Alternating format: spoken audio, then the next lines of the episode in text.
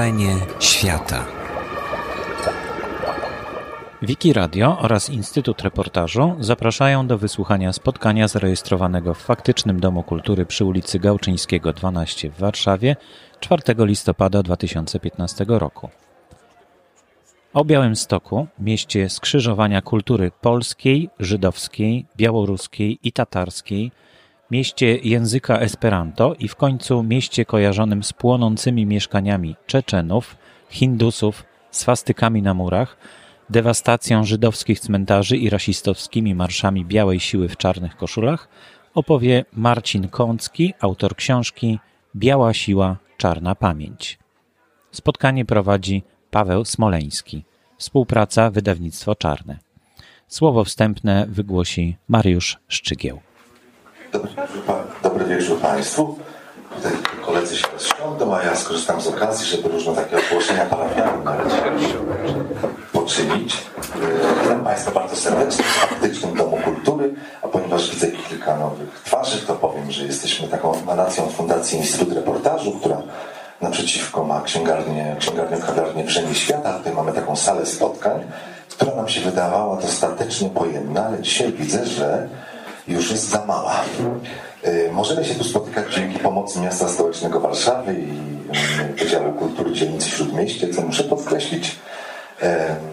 I co kilka dni mamy jakąś nową premierę książki reporterskiej. Dzisiaj spotkanie z Marcinem Kąskim, który jest jednym z moich trzech ulubionych autorów Gazety Wyborczej i no jest takim, jak dla mnie, to jest takim najbardziej, jednym z najbardziej uniwersalnych dziennikarzy i reporterów gazety. Potrafi napisać, znaczy świetnie pisze teksty kryminalno-śledcze, ale także różne reportaże liryczne. W bardzo różnych się rozwinął żałach, że. E, spotkanie z nim na temat książki Biała Siła, Czarna Pamięć, którą wydało wydawnictwo Czarne, które jest współorganizatorem tego spotkania, poprowadzi Paweł Smoleński, którego bardzo lubię też i cenę.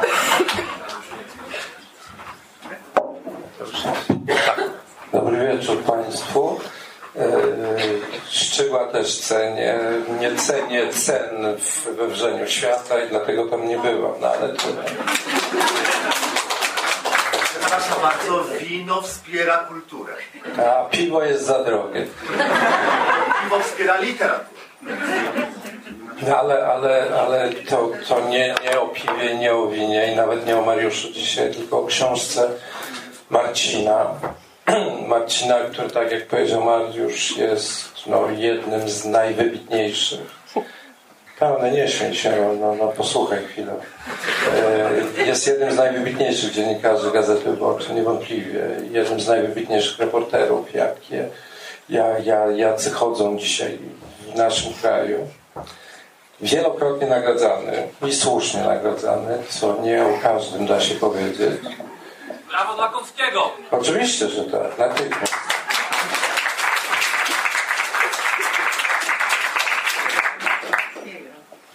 I teraz właśnie napisał książkę o Białymstoku.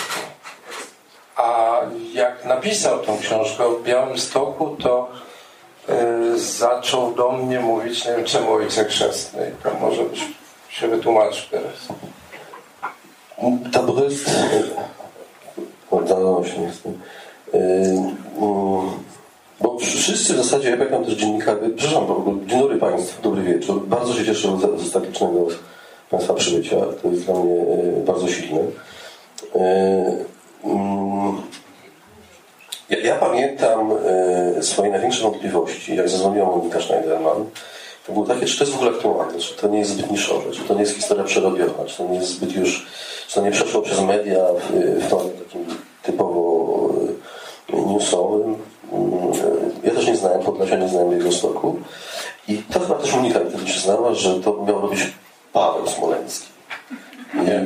Tak, bo tak naprawdę, proszę Państwa, jesteśmy na spotkaniu z, z Pawłem, który jest ojcem chrzestnym książki, dlatego że, jeżeli dobrze słyszałem, to ty mnie wskazałeś. Ale to teraz pytanie, dlaczego ty nie napisałeś?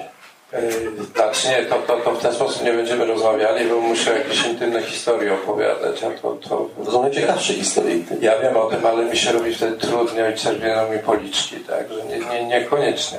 Yy, ale pół słowa, tak, znaczy kiedy, kiedy padł temat Białego Stoku, yy, a on się pojawił w, w kilku rozmowach, jedna z nich się była pod Białym Stokiem w Krynkach, w takich bardzo przyjemnych okolicznościach przyrody, bo tam się dzieje taki festiwal organizowany przez mniejszość białoruską, którym zawiaduje e, wielki, wielki malarz. Zgadniecie nazwisko? Tak jest, Leon Tarasewicz.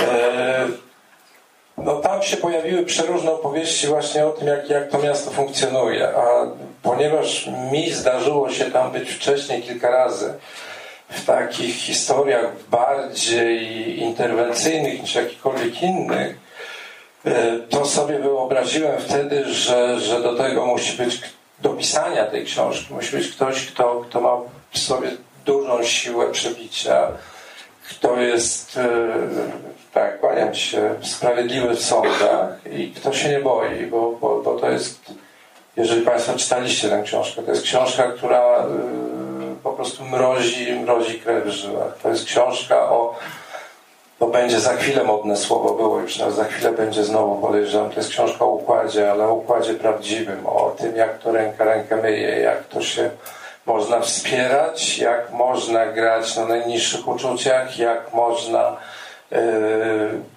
z Białego Stoku, który ma szansę, naprawdę ma szansę być miastem wielokulturowym, zrobić taką cepeliadę. No i pomyślałem sobie, że, że Marcin będzie, będzie świetny, no i okazał się świetny. No i opowiadaj o tej świetności. I, mm, no tak, tak samo Państwo, jak i ja się dowiedzieliśmy w zasadzie, jakie są kulisy powstania książki, jaki układ stał za nią i jaki to był mocodawcą. Bo jedna z dziennikarek w Białymstoku zadzwoniła do mnie dzień czy, czy dwa dni po premiery, ale wiem, że książką dysponowała wcześniej, że wydawnictwo rozsyłało. Ostrzegając mnie, że nie czytała, że chciałabym o niej porozmawiać.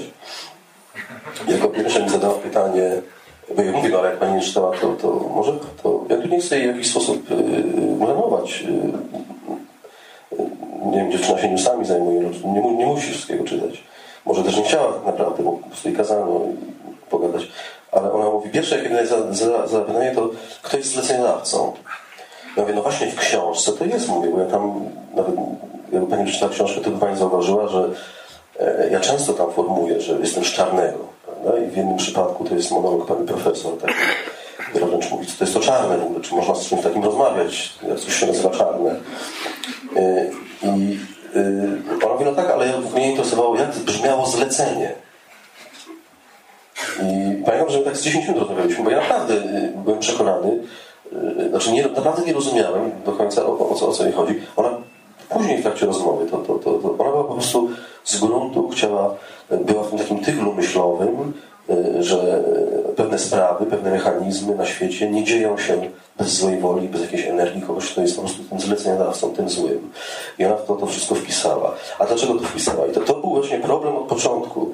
Jak byłem na, na spotkaniu w Białymstoku, to, to wielu ludzi przyszło z taką energią właśnie, że zaraz się rozliczymy z tym autorem, bo jakim prawem on w zasadzie przyjeżdża i szkolenie nasze miasta. Bo co jest kluczem i tym słowem kluczowym dla mnie, gdy zbierałem materiały, gdy chodziłem po mieście, gdy jeździłem wokół, to zauważyłem ten kult wizerunku.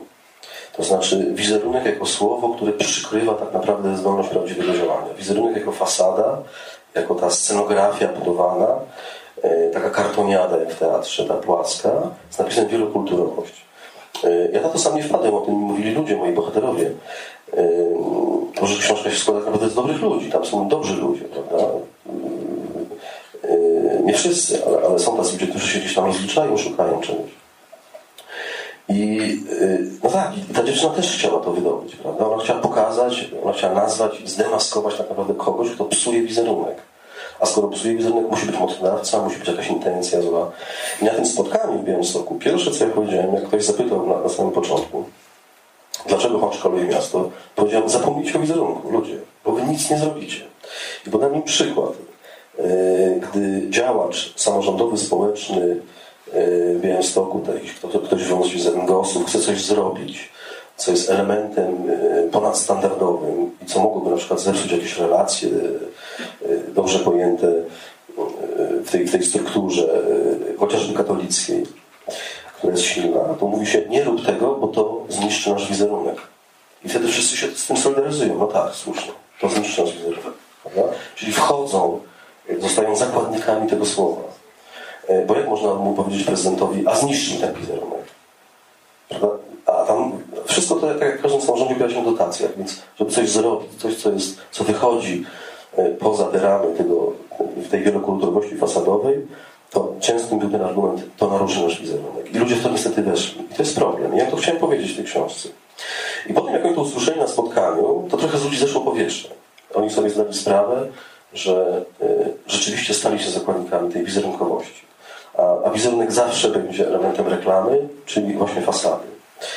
Y, I tak naprawdę o tym jest książka. No, też o układach być może, ale dla mnie kluczem to, to, to, właśnie było to, że ja chodzę i widzę te panery, te, te nalepki. Y, dla mnie najbardziej symbolicznym to była taka tabliczka, to, to, ta tabliczka była elementem szlaku E, szlaku e, takiej wielokulturowości, tolerancji, esperanto. Tych tabliczek jest wiele.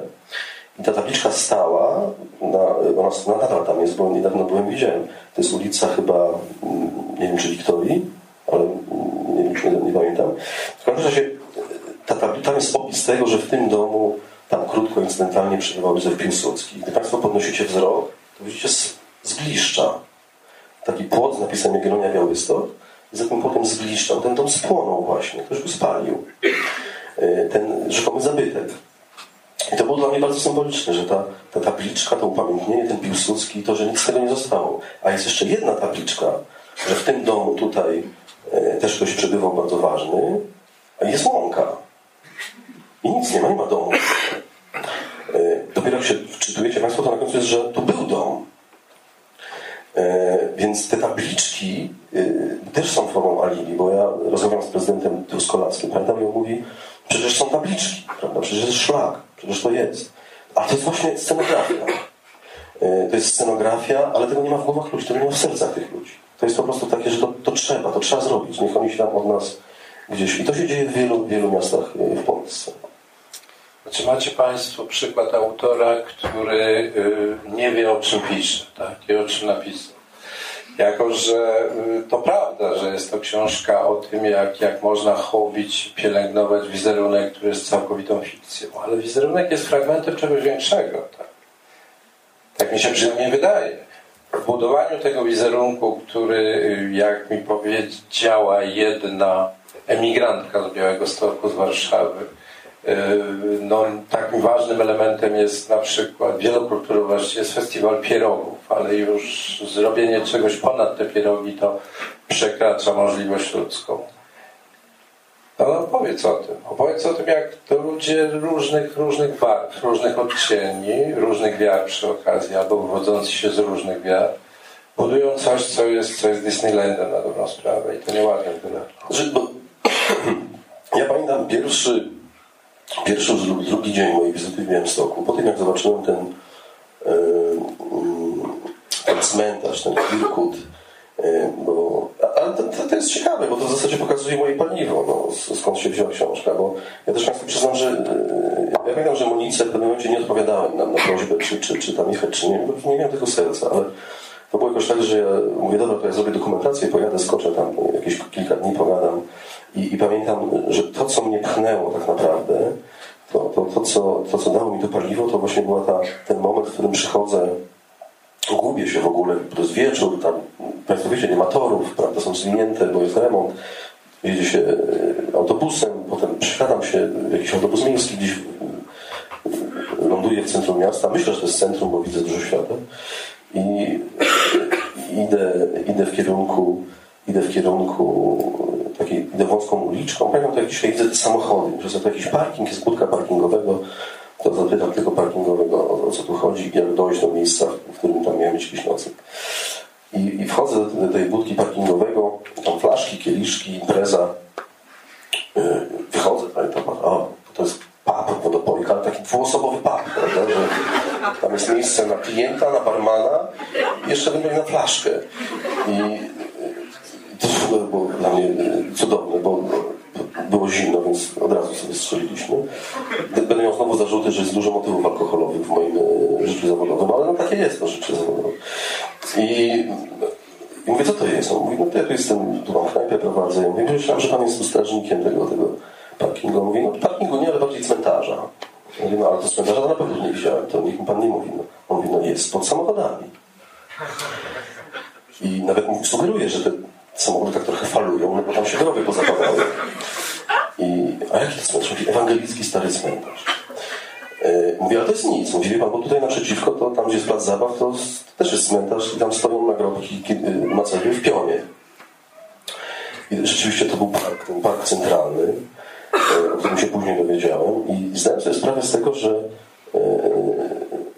to potem poznałem Tomka Wiśniewskiego, fascynującego człowieka, geniusza takiego miejscowego regionalista, który próbuje tę pamięć wydobywać i mi zaczął opowiadać. On jeszcze tak pięknie potrafi mówić o tym w kategorii takiego faceta wkurzonego, prawda? Tak, z takim jakimś dybukiem, taki sfrustrowany, trochę wkurzony.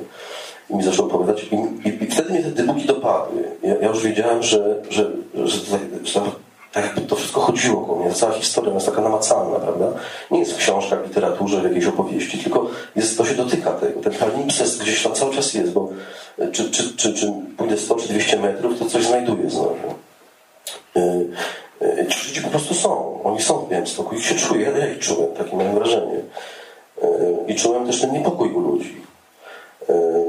To było, niezwykłe było dla mnie to, jak Podlasianie lubią sobie mówić, że jesteśmy gościnni, jesteśmy, jesteśmy otwarci. Rzeczywiście, jak się jedzie, jak tam jechałem raz autobusem, to, to zawsze dużo było rozmów z ludźmi, bo są otwarci. Ale jak zapytać o historię, jak zapytać o to, co ich buduje, o tożsamość, to, to, to już się zmienia, to już jest inna rozmowa, to już jest trochę niechętne, to jest takie... I to też jest element tych duchów, prawda? I to, to, to wszystko zacząłem wyczuwać. I przyjechałem do miasta i do regionu tego nie znałem. To jest też ważne, myślę, bo yy, wiadomo, człowiek przyszedł sobie te mapy, wszystkie kupuje, prawda, i podręczniki. Ja się tym zarzuciłem, zacząłem czytać, wszystko mi się w ogóle wymieszało.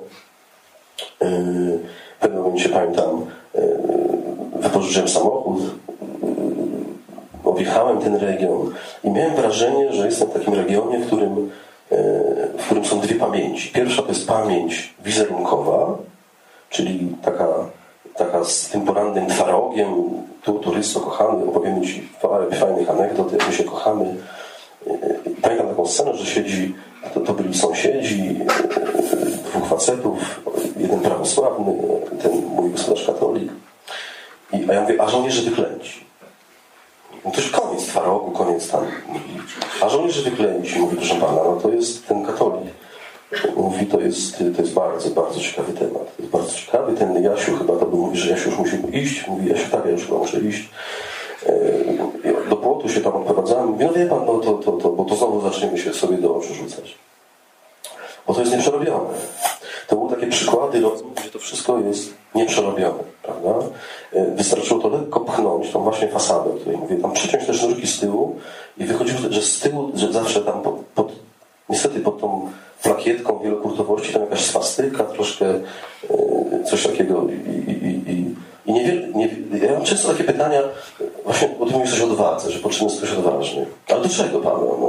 No, znaczy odwaga do czego? No, przecież nie pojechałem do, wiesz, zmierzyć się, znaczy nie goliłem się na łyso, nie wydzierałem, byłem gangstera, nie byłem, wiesz, agentem jakimś, ryzykowałem życiem. Jak już pojechałem tam zadawać ludziom pytanie o historię, prawda? To jest niezwykłe, że wyobrażamy sobie, co się stało takiego, że w sytuacji, w której się pisze książce o, historii, pyta się, dlaczego pan jest odważny?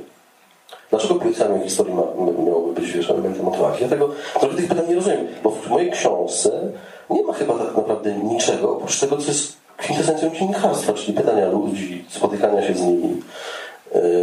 A nie, ale widzicie Państwo, na łyso się ogolił Mirek Tryczyk. To jest autor książki Miasta Śmierci. Przeczytacie to Państwo niedługo w wywiadzie, który z nim zrobiłem. To jest człowiek, który napisał tą kontrowersyjną książkę, o, też o pogromach podlaskich, nie historyczną, bo jest nauczycielem etyki z Wrocławia. I on się ogolił na łyso. Bo jak on pojechał z długimi włosami, opowiadał mi taką historię, że tam jedzie, przepraszam, że teraz do innej książce będę mówił, ale to jest ważne właśnie, bo to jest odważne, bo on pojechał, miał trochę dłuższe włosy, siedzi tam, zbiera materiał tej książki, w Lidlu go tam, wychodzi z tego Lidla, ktoś go potrąca, ktoś na niego wpada, ktoś mówi, co się tak patrzysz, idioto. I on myśli, o co chodzi. I ktoś mówi, zdejmij tę pedalską frotkę. I on sobie przypomniał, że to chyba nie chodzi o włosy, tylko że on ma sterydynową frotkę. To jest frotka jego córki.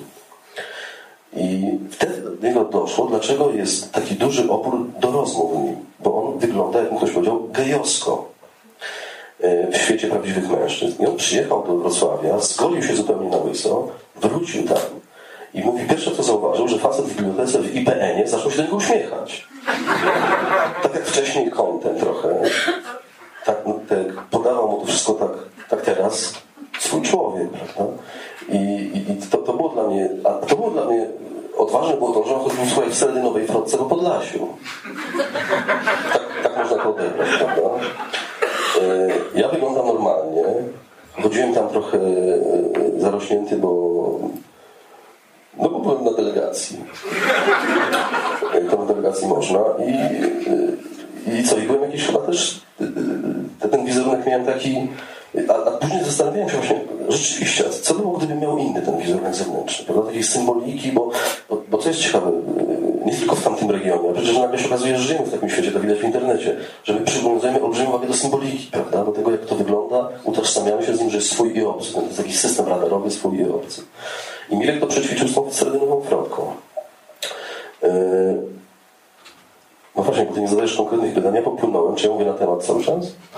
Starasz się jak możesz. No i dobrze ci wychodzi, moim zdaniem. Nie, bo się, wiesz, siedzisz wygodnie. Tak, bo, bo ja jestem tutaj po to, żeby posłuchać. Posłuchać również o tym, co, co ty zakwestionowałeś, nad czym postawiłeś znak zapytania. Może jestem grysiarzem, wiesz, ja sobie po, zgubię wątek, cofnę się, chwilę będę Państwu jakimś serialu opowiadał. Państwo Ciebie gwiżdżą wtedy i pójdziesz do domu ale może to się nie stanie.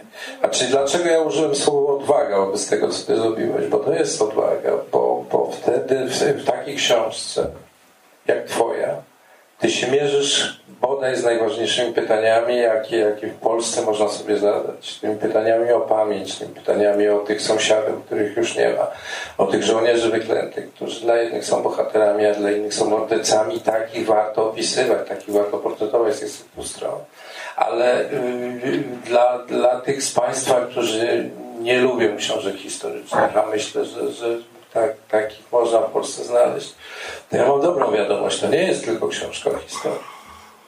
To jest książka o współczesnej twarzy Białego Stoku, który nie przerobił własnych problemów.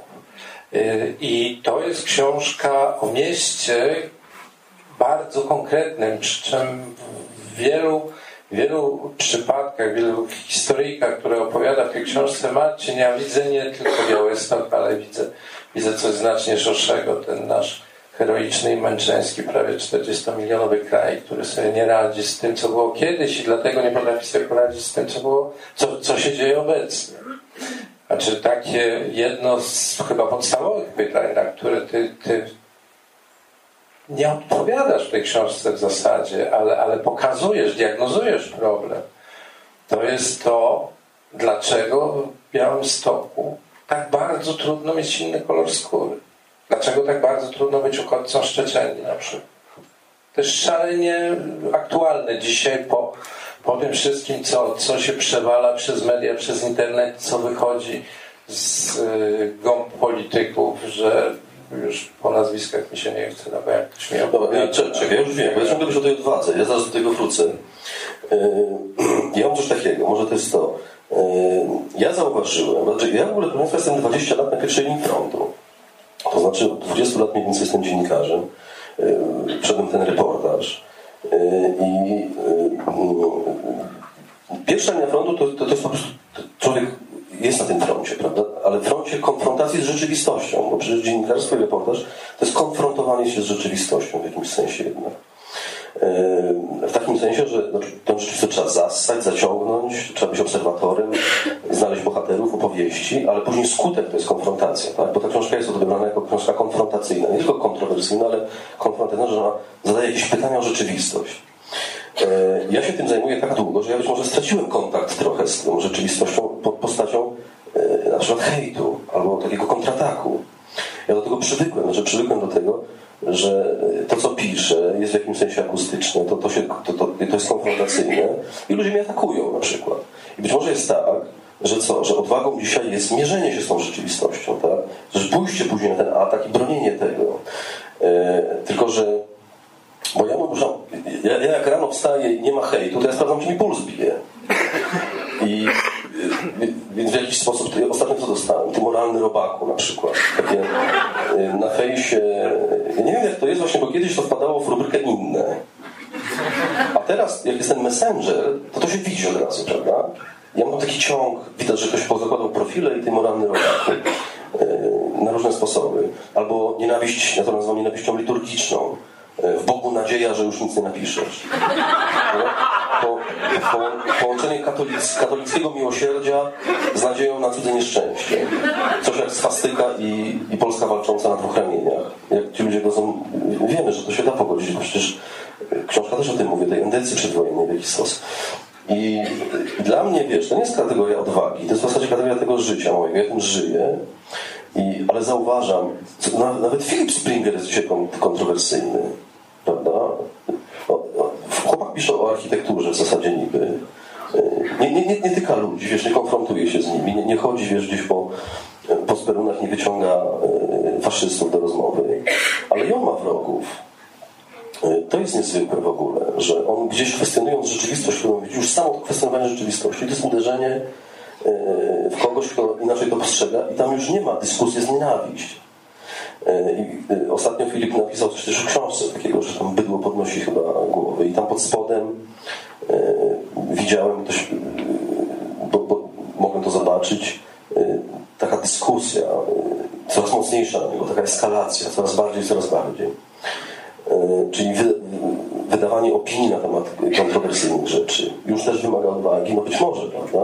Bo chyba zaczynamy pomału wchodzić w taki świat, gdzie odwagą jest y, kontakt wzrokowy, prawda? Że, że patrzymy na kogoś, chcemy z nim dyskutować, to może już za chwilę będzie odważny. I mnie ciągle to denerwuje, te pytania o odwagę właśnie do tego, bo, bo ale mówię, bo może też dlatego, że że, że od czasu, kiedy Andrzej Leper chciał zamknąć gazetę wyborczą, pamiętam, wzięliśmy w gazecie wyborczej, daliśmy konferencję prasową i Andrzej Leper mówi, to jest zamach stanu, chodzi o seksaferę, to jest zamach stanu i pytanie z sali, czy będzie pan zamykał gazetę wyborczą. I nikt się nie śmiał u nas w redakcji. Po prostu stwierdziliśmy, że chyba dotknęliśmy takiego pola absurdu już. E, I później, było, później był ten ciąg, że wy jesteście odważni, że poszliście na, na wojnę z polityką, a oni chcą was zamknąć. No, totalny absurd, prawda? Przecież my, co my zrobiliśmy? Zrobiliśmy normalną dziennikarską robotę. Musiałem tego tej dwadze też powiedzieć, bo być może ktoś z Państwa wziął takie pytanie i wolał, żeby to było zamknięte, bo moim zdaniem y, y, y, ja, ja, ja, jak jadę na materiał, jak chcę o kimś napisać w sposób taki, jaki ja to widzę, czuję i myślę o tym, to ja po prostu muszę go pytać. I e, jak umówiłem się, to jest w ogóle bardzo ciekawe, bo dzwonię do Staszyna, tego neofaszysty, e, bo dowiaduję się, że jednym z przywódców tej grupy neofaszystów jest chłopak, który ma dwie swastyki na plecach wytatuowane. Myślę sobie, dwie swastyki na plecach, prawda? W ogóle jak to się robi technicznie, że sam sobie tego nie zrobił. I, I, czy to jest jakaś grupa, która sobie robi te swastyki? Ja miałem takie proste pytania w głowie. I, i pamiętam, że E, pytam kogoś o to, czy, czy ty z nim rozmawiałeś. Nie pytam, co to było. I nie, no co ty, daj spokój. A dlaczego? No, I pierwsze co, to pomyślałem, że jego muszę znaleźć. E, I myślałem, że będę musiał gdzieś, nie wiem, ryć niemiłosiernie. A ktoś mówi, nie, on ma tam knajpę pod uniwersytetem. Do uniwersytetu wynajmuje knajpę. Później się okazało, że on wynajmuje tę knajpę dokładnie pod podłogą profesora zajmującego się pogromami żydowskimi. I to było ciekawe. I tam poszedłem, zostawiłem karteczkę barmance, mówię, żeby szef zadzwonił. No i chciałem straszyć tam nikogo. I w ogóle, że ona skąd, z czarnego. To było w ogóle dla mnie wspaniałe alibi, proszę Państwa, że ja jestem z czarnego. Jakbym powiedział o połowie tego świata, który jest z Gazety Wyborczej, to być może że do rozmowy by nie doszło, bo ten background, ten background dla nich jest nie do przejścia, prawda? Że jednak reprezentuje świat, którego nie nienawidzę. A jak było z czarnego, to nawet niektórzy udawali, że wiedzą, a, z czarnego, prawda? To, to tak, to w porządku. To... Tylko ta pani profesor nie wiedziała. Profesor nie wiedziała, co to jest czarne i czarne. Mówi, to jeszcze czymś takim chyba nie powinno rozmawiać. Jak tak można w ogóle coś nazwać? Mówi to. Yy, I dzwonił, to była już noc głęboka. I ja mówię, cześć. Mówię, to trzeba się spotkać, pogadać. On mówi, to nawet fajnie, bo nigdy z dziennikarzem nie rozmawiał. I on jest ciekaw, jak to jest w ogóle z dziennikarzem, to, bo nikt do niego nie zadzwonił, nie pytał go, co on myśli, ani co czuje. Spotkaliśmy się na stacji benzynowej. Yy, on w ogóle przy, miał po mnie przyjechać, w końcu ustaliliśmy, że jakaś stacja benzynowa pod Białymstokiem, zasadzie na granicy i tam przychodzę i siedzi taki misiek, taki za, trochę zawstydzony, bo ktoś z, z Warszawki, prawda, on tak to, to i był taki nieśmiały w tym wszystkim. I to była taka rozmowa. I myślę, że wiesz, to pojęcie odwagi wynika chyba też trochę z tego, że no właśnie nie wiem, z czego to wynika. Skąd, skąd, skąd i dlaczego? Ja naprawdę nie kokietuję. Po prostu ja nie przypominam sobie w ogóle w swojej karierze zawodowej sytuacji, w której musiałbym się zmierzyć z czym naprawdę. Wiesz, ty, ty może więcej ryzykujesz, jak jedziesz po książkę do Izraela, tak? bo nie wiadomo, czy jakiś pocisk spadnie, bo to jest jedna strefa działań wojennych. Absolutnie nie mam bladego pojęcia, skąd energię odwagę biorą ci, ci dziennikarze, którzy, nie wiem, penetrują. Ja już o tym mówiłem kiedyś, jak jadę do Juarez. Są ciekawi, dlaczego w Meksyku giną kobiety, dlaczego w ogóle, skąd te ganki, jak to wygląda, a tam mordują dziennikarzy. Skąd korespondenci biorą odwagę wojenni. Ja bym w życiu nie pojechał na wojnę, po prostu bym się bał. Bałbym się, a jeszcze widząc to okrucieństwo i tą eskalację i ten sadyzm nieprawdopodobny, ja bym się po prostu bał fizycznie, prawda? Natomiast to jest moim zdaniem po prostu reportaż, no, czyli zadawanie wiesz pytania, to co się buduje, kim jesteś, dlaczego. Ja pamiętam jak Staszyn w ogóle strasznie długo myślał, jak ja go zapytałem, co ty czujesz w ogóle? Nie co myślisz, tylko co czujesz, będąc w Białymstoku. I, I on miętosił taki kubek z, z, z herbatą i Mówi, nie wiem, co ja czuję, chyba nic nie czuję. Ja wiem, nic nie czujesz. Mówi, nie wiem, bo nigdy, nigdy nie wiem, nikt mi to takie... Mówi, co ty w ogóle za pytanie zadajesz, facet, skąd ty jesteś, tak? Ja mówię, no, tłumaczę ci. Szczernego. Szczernego. On mówi, ja w ogóle, wiesz, to głupie jest, mówię w ogóle. Twoje są głupie, pamiętam, tak trochę reagował.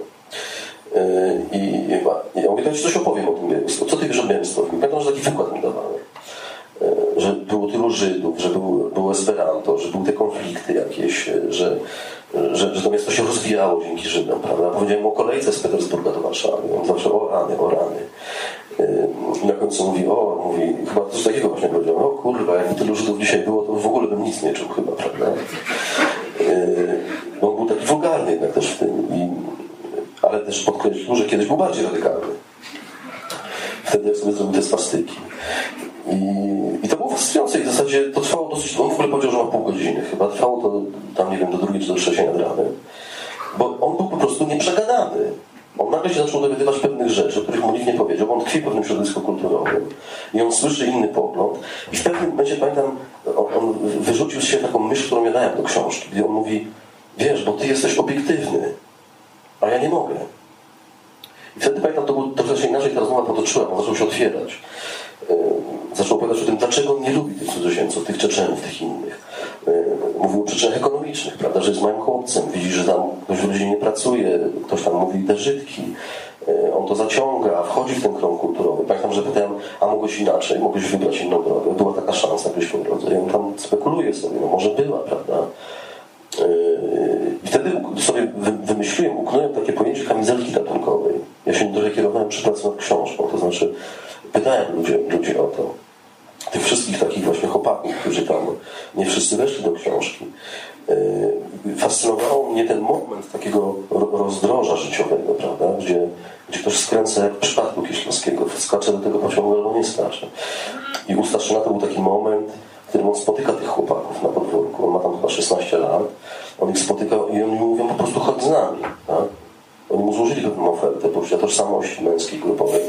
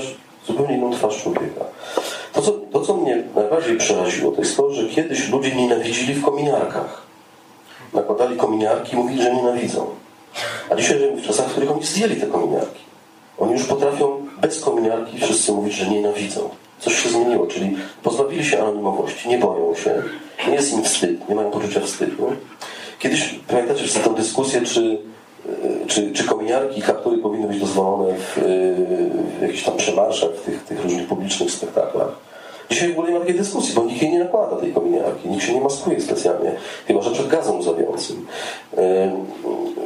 Matka z dzieckiem na ręku na profilu facebookowym mówi, pisze tam wprost, wypierdalać z uchodźcami, kropka. No. I, nie ma obciachu, o, tego nie ma jeszcze, nie ma tego wstydu. Zastanawiam się nad tym procesem, co się takiego stało, że, że, że ludzie bez kominiarki nienawidzą.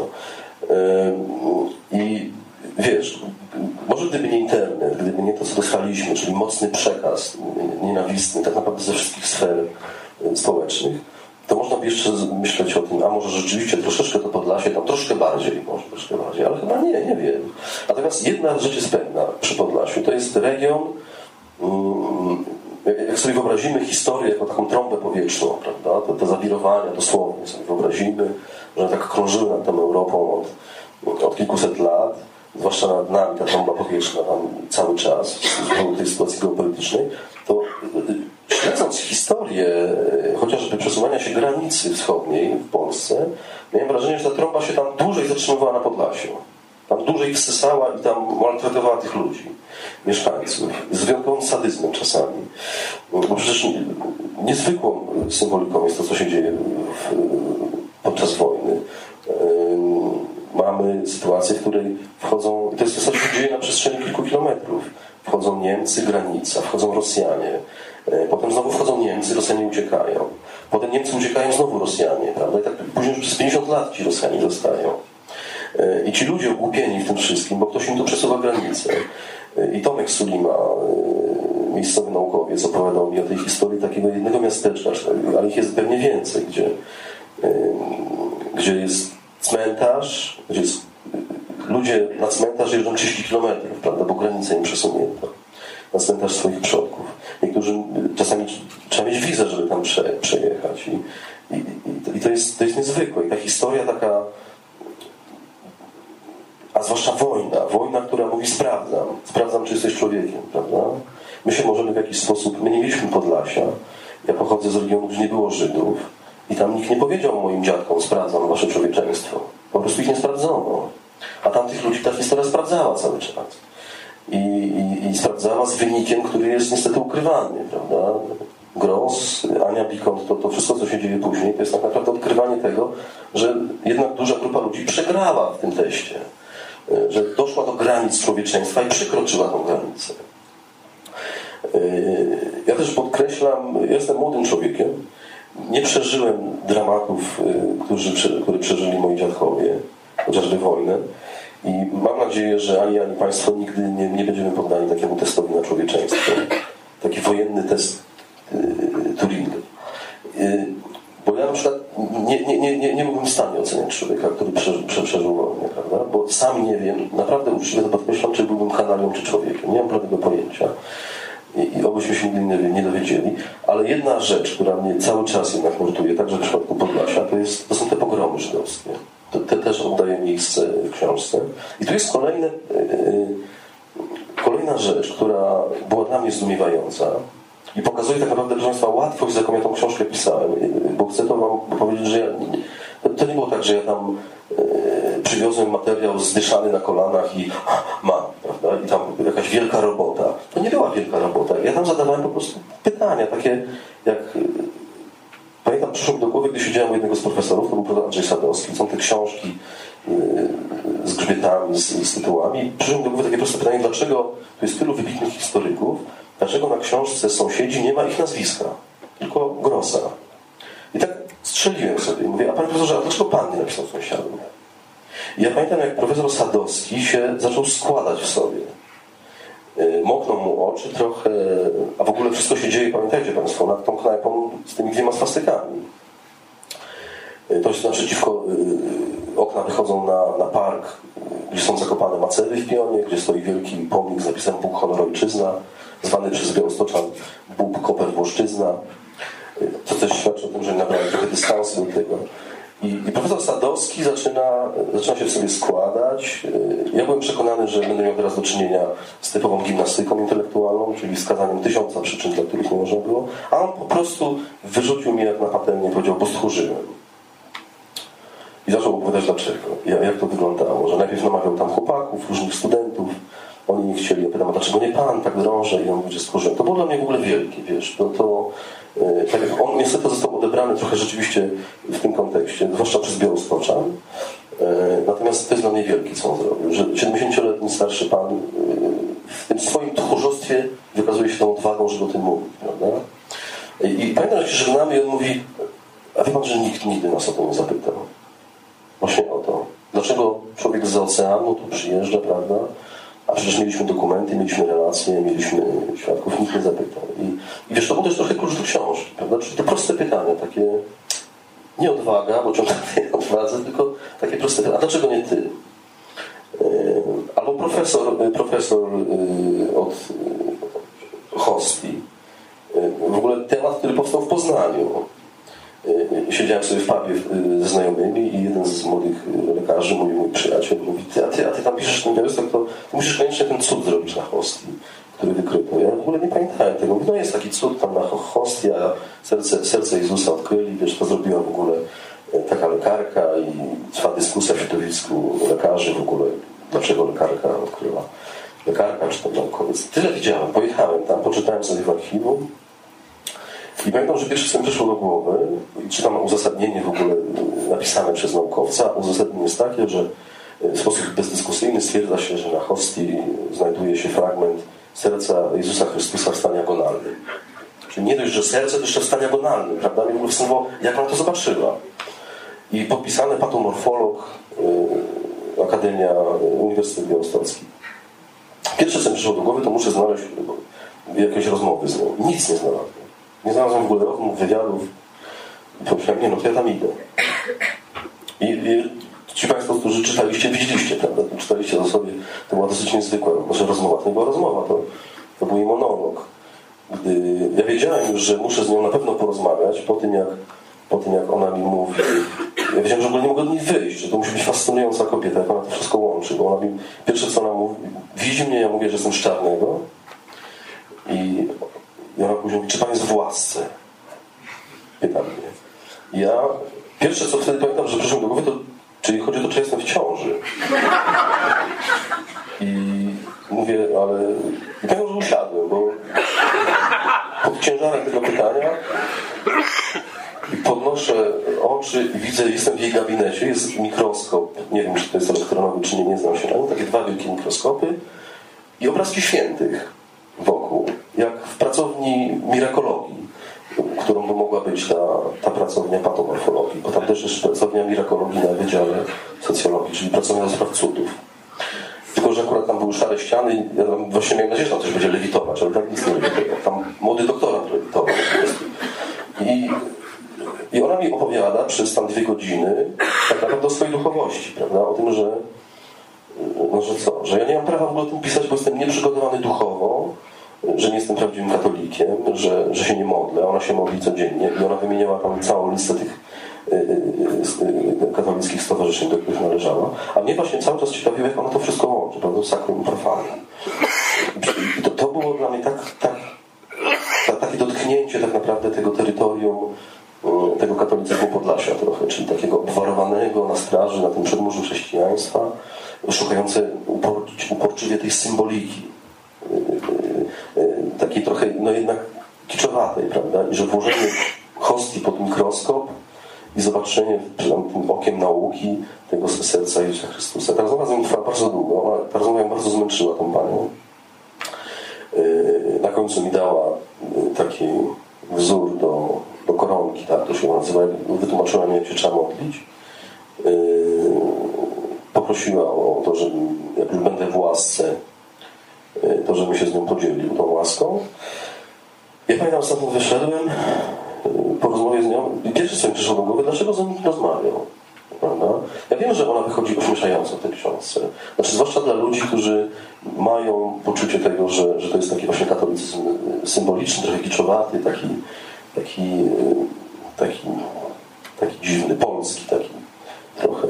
Y, Ale mi jednak zależało, żeby ją pokazać właśnie dlatego, żeby czytelnik... Ktoś zadał pytanie, po co to w ogóle, prawda, w książce?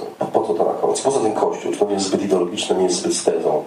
Ale przecież to jest w rozdziale pod tytułem Power, czyli władza. Ja tam pokazuję, bo ona jest, jest najważniejszy klucz w monologu tej kobiety to jest taki, że jestem żołnierzem. Że ja wykonałam pewien rozkaz. Wezwano mnie i jako żołnierz udowodniłam, że na hostii jest y, serce Jezusa w stanie agonalnym.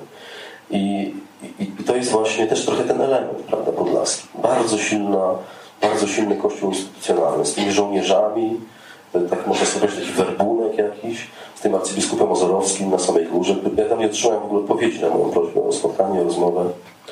Yy, Zgooglowali pewnie czarne. Yy, Monikę i w ogóle. I pewnie Ciebie zobaczyli tam spośród autorów. Yy, I to się nie udało. Ale ten Kościół katolicki też, jest, też, jest, też był takim silnym dla mnie determinantem, żeby spróbować zrozumieć, dlaczego tak jest, prawda? Nie bawić się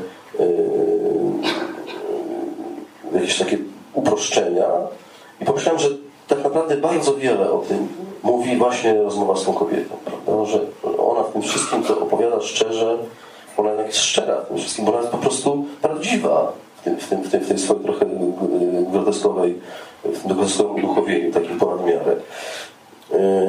No i szukałem takich postaci, wiesz, przez ludzi szukałem, chciałem tę książkę zrobić. Ona się składa z ludzi, to jest bardzo ważne, bo ktoś mnie też zapytał, dlaczego takie, a nie inne historie. Bo one są ciekawe, myślę, prawda? Reportaż musi być jednak ciekawy, musi być prawdziwy, musi pokazywać kawałek rzeczywistości. Nie sądzę, że muszą być obiektywny. Ja mam problem strasznie z tym sformułowaniem obiektywność, bo przecież we mnie są, w każdym z nas są filtry. Jest jakiś światopogląd, jest, są przeżycia, jest sympatia do czegoś, antypatia do czegoś innego.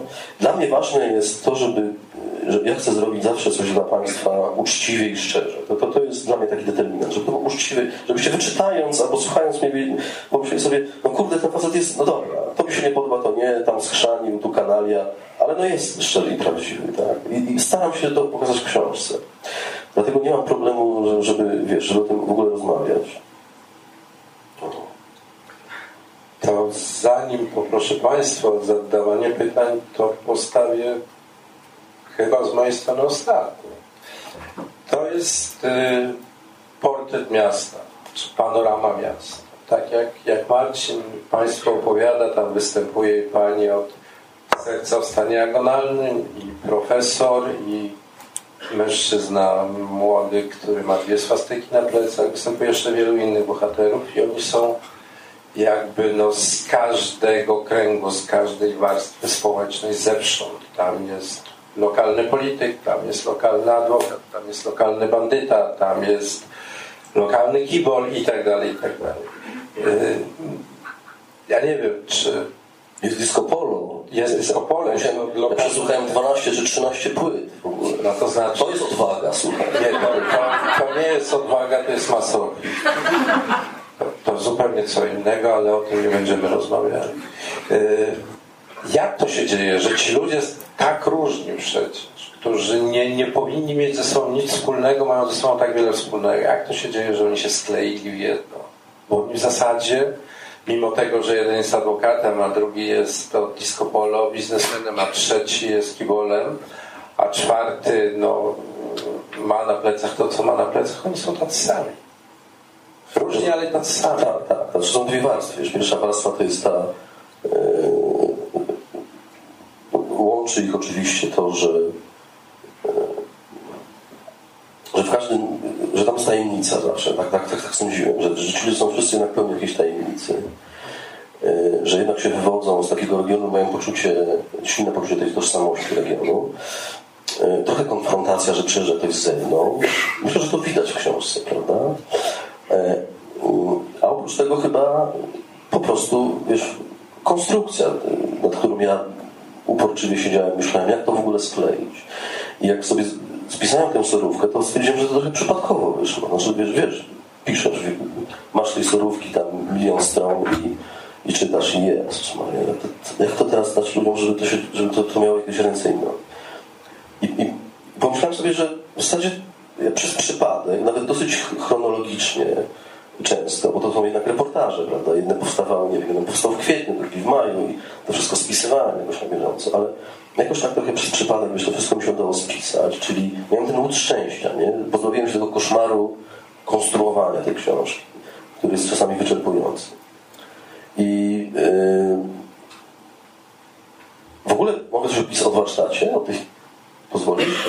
Bo ucieknę od tego twojego pytania, bo ja wiesz, chyba też nie chciałbym, żeby skrótowo zabrzmiało, a, a nie ma czasu. Ja, ja muszę Państwu powiedzieć, że w, w ogóle ja odkryłem, odkryłem, jak napisać książkę w kilka tygodni. Yy, W ogóle wszystkim mówię to, swoim kolegom, przyjaciołom. Wszyscy, ja to Nie mów tylko patentuj, wiesz. w szpitalu ją napisałem. Bo ja się musiałem 20 czerwca położyć do szpitala. Bo już głowa mi bolała, miałem problemy laryngologiczne, nie będę mówił dokładnie. I pamiętam, że byłem załamany, bo od Moniki już maile schodziły z wydawnictwa, no, że już byśmy prosili, żeby się zapoznać chociaż trochę, co tam będzie w tej książce. Wiadomo, wydawnictwo ma, chce wiedzieć, prawda, czy się udało, czy się nie udało, więc nie mówiłem, czy się w ogóle udało, czy się nie udało. Siedziałem tam, pisałem. I pamiętam, że był trochę podłamany, bo się leżę w tym szpitalu i, i przychodzi taki moment, w którym myślę sobie, nie, no to ja już nie zdążę z tą książką. Tam chyba... I nagle myślę, zaraz, no, to jest tak cicho, w ogóle kroplówka, nie muszę jeść. Wielu rzeczy nie muszę robić, bo nie muszę jeść. Leżę sobie, przychodzi tylko pani Basia i tam do góry na dół, yy, bo po zabiegu i myślę sobie, za, biorę telefon do, do żony, mówię, przynoś komputer. To jest, to, to jest to miejsce, to jest w ogóle tak. No i przywożę człowieka, ale z nowotworem krtani po wycięciu, więc nie gada w ogóle. Leży, patrzy w sufit załamany i spokój, cisza. Basia w pewnym momencie, pa- pani, ta pielęgniarka, yy, a co pan tak pisze? Ja mówię, no o czym? A różne tamte, żyć, żyć? Panie, weź pan o Polakach napisz, po co pan o Żydach? I ona tak przychodziła tak codziennie, jak miała dyżury i co tam z tymi Żydami, co pan tam o tych Żydach? Czyli taka, jeszcze to paliwo mi dawała, w tym swoim antysemityzmie. Czasami przysiadała z tymi strzykawkami, bo to miała strzykawki, przysiadała na krawędzi, słuchała i opowiadałem. Przez to opowiadanie też układałem sobie w głowie historię, prawda? Bo jak się opowiada, ja na przykład dzisiaj z Justyną Kopińską rozmawialiśmy z naszą reporterką z DF-u, to ona mówi, ja mówię, co tam piszesz? Nie powiem ci. Dlaczego? Bo ja tak mam, że muszę sobie trzymać i to wy, wy, wypisać. A ja mam odwrotnie, muszę opowiadać o tym, prawda? Wtedy mi się to jakoś tam i tej pielęgniarce antysemitce opowiadałem, o czym będzie książka, przez to sobie ją jeszcze wiesz, dokonstruowałem. I mi to zajęło tak naprawdę 5-6 dni skonstruowanie tego. I sobie zdałem sprawę, że to jest spójne w pewnym momencie, prawda? Że to się gdzieś, to się wszystko pokrywa, to, to ma, to, to, to... Oczywiście nadałem temu ten, ten rys chronologiczny. Zaczynam od Zamenhofa, który był moją ideą. Piękna, wspaniała idea, która narodziła się na Podlasiu, to znaczy, że też pokazująca, jak piękny jest ten region, że tam tacy ludzie, wiesz, powstają i tworzą, że coś ich inspiruje, bo idea Zamenhofa, przepraszam, że tak skaczę, proszę Państwa, już zamykam ten wątek szpitala, chociaż y, wszystkim polecamy, że jak mają problem z napisem książki, niech się kładą do szpitala. Y, a najlepiej na laryngologię, tam gdzie są ci gardłowcy i nie mogą mówić, bo nie trzeba wchodzić w dyskusję. I y, Zamenhof, to, to, to też była taka idea początkowa, ja, ja, szybko nie opowiem. Y, ja, ja pamiętam, że miałem ten obraz w głowie młodego chłopaka, tak to jest w ogóle przenoszone w tych mitach i legendach. Młody chłopak wychodzi na rynek sienny i widzi kłótnie Polaka, Żyda, Białorusina, Tatara, prawda, tam się leją po mordach, nie potrafią się dogadać różnymi językami. I on sobie tworzy tę koncepcję, on musiał być wrażliwy, wiesz, musiał być wrażliwy, musiał być takim ciepłym chłopakiem, że od, tam, od dzieciaka małego fascynuje go, jak pogodzić ludzi, prawda? Więc siła napędowa tego, tego miejsca taka inspirująca. I on całe życie w zasadzie, tam ojciec na siłę chce z niego okulistę zrobić, a on całe, całe życie się martwi, jak tych ludzi pogodzić. On oczywiście ma różne koncepcje. Najpierw to są bardzo sionistyczne, później tam dojrzewa do komentaryzmu, do tego, że to było dla wszystkich. Ale to też pokazuje, też chciałem pokazać, że to jest taki region, który bardzo się nie inspiruje do kontry pewnej, prawda, do wyjścia ponad to. Że tam też się piękne idee rodził. Przecież idea humanitaryzmu Zamenhofa niedoceniona, tak samo jak Esperanto. Uważam, że jedną z najpiękniejszych idei w ogóle, mówiąca o tym, że y, odrzućmy szowinizm, odrzućmy pewne fundamentalizmy, jakże też banalna w tym, ale jednak. Dajmy ludziom trochę wspólnego języka, przestrzeni, dajmy im wolności będzie pięknie. No, no to tak, tak, to, tak prosta, fajna. Oczywiście nie przebiła się, bo za chwilę pierwsza wojna, druga wojna i, i, i to zostało wystawione y, też na próbę. No to co? To, to... O, nie zważ w takim razie. Czy jest mikrofon na sali? Tak? Pytanie przed Pytanie. Tak, pytanie. Ja podam mikrofon, proszę czekać chwilę. A, Nie, dobrze, dobrze, niech pan będzie z tyłu. Jak nie ma odważnych, to ja zacznę. Ja mam dwa takie pytania. A, pytanie pierwsze. A, bo jak pamiętam spotkanie w, o Leperiadzie, to było bardzo śmiesznie, zwłaszcza, że przyszli. Mieliśmy nadmiar rzeczników prasowych partii. I książka też była śmieszna, a tutaj z rozmowy tak nie wynika za bardzo, żeby było śmiesznie w książce. Czy jest w książce coś śmiesznego? To jest pierwsze pytanie. A drugie pytanie jest troszkę bardziej złożone. A, a to nie, to może skończmy. Znaczy, to było pytanie, że jest w książce coś śmiesznego? Ja nie wiem, może ktoś coś śmieszy, nie mam pojęcia. Znaczy, ja pisząc się nie śmiałem. Ale ja mam dosyć takie wypaczone poczucie humoru. Jest góry śmieszą rzeczy, których ludzi nie śmieszą. Ja nie wiem, to musiał, Państwo musieliby chyba powiedzieć, coś Państwa rozśmieszyło w tej książce. Ja, ja tam spędziłem, ja mogę tylko powiedzieć, że spędziłem tam blisko rok i, i czasami się fajnie bawiłem, czasami nie. Niektóre spotkania były znaczy ja myślę, o, jest taka chyba scena, ja to zauważyłem w odbiorze ludzi, mm, że ta scena ze swastyką i z Polską walczącą dla ludzi była śmieszna. Tam jest taki moment, gdy prokurator przysłuchuje. To jest w ogóle dziwne wszystko w, tym, w tej scenie. I w tym, że ludzie reagują śmiechem trochę. Prokurator przysłuchuje, przysłuchuje neofaszystę, widzi jakieś fragmenty yy, tatuaży, mówi, że podwinął ręce, mógł zobaczyć, co tam jest wyżej. Ten neofaszysta podwija i na jednym ramieniu jest Polska walcząca, a na drugim jest swastyka. I to był profesor Masłowski, pamiętam, jak mi o tym powiedział. Ja mówię, i co, i co pan zrobił? On mówi, wpisałem do protokołu, bo to jest zawsze jakiś tam ślad. I spytałem go, jak on to godzi. I Masłowski myślał, że on stracił przytomność, że on zemdlał. Bo on tam bardzo długi moment siedział i patrzył w sufit, ten, ten chłopak młody. I Masłowski sobie wtedy zdał sprawę, znaczy za- za- za- zaczął zadawać sobie pytanie, czy nie ma do czynienia z zaburzeniami psychiatrycznymi. I to ludzi bardzo śmieszyło. Ale pana to widzę nie śmieszy. Jest chyba krytykiem blogowym, poznaje pana po twarzy, prawda? Pan Robert. A, no stąd takie pytanie. No. O, to jest śmieszne. Krytyk w pierwszym rzędzie. To jeśli można, ja bardzo chętnie. Ja mam jedno pytanie, ale zanim przejdę do pytania, chciałam podziękować, gdyż e, jestem z Białegostoku, tam się urodziłam, wychowałam. Od 7 lat jest, mieszkam w Warszawie.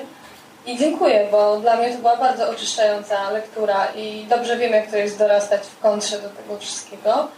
E, a mam, moje pytanie dotyczy e, Tatarów, bo w książce jest wiele grup etnicznych, religijnych, natomiast nie pojawili się Tatarzy, którzy są tutaj dobrze zasymilowani, na przykład w Kuszynianach.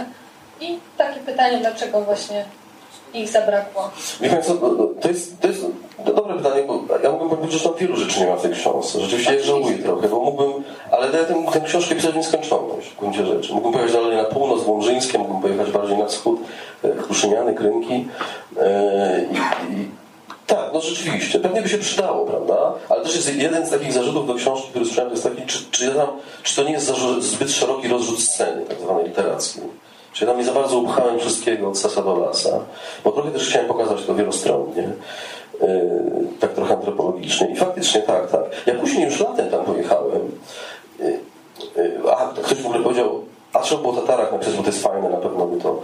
Ale jest taka ciekawa rzecz, bo jak pojechałem tam latem, już w zasadzie miałem książkę skończoną, i, i, I, pamiętam, tam w Kruszynianach jest taki zajazd budowany przez, ona się Janet, prawda?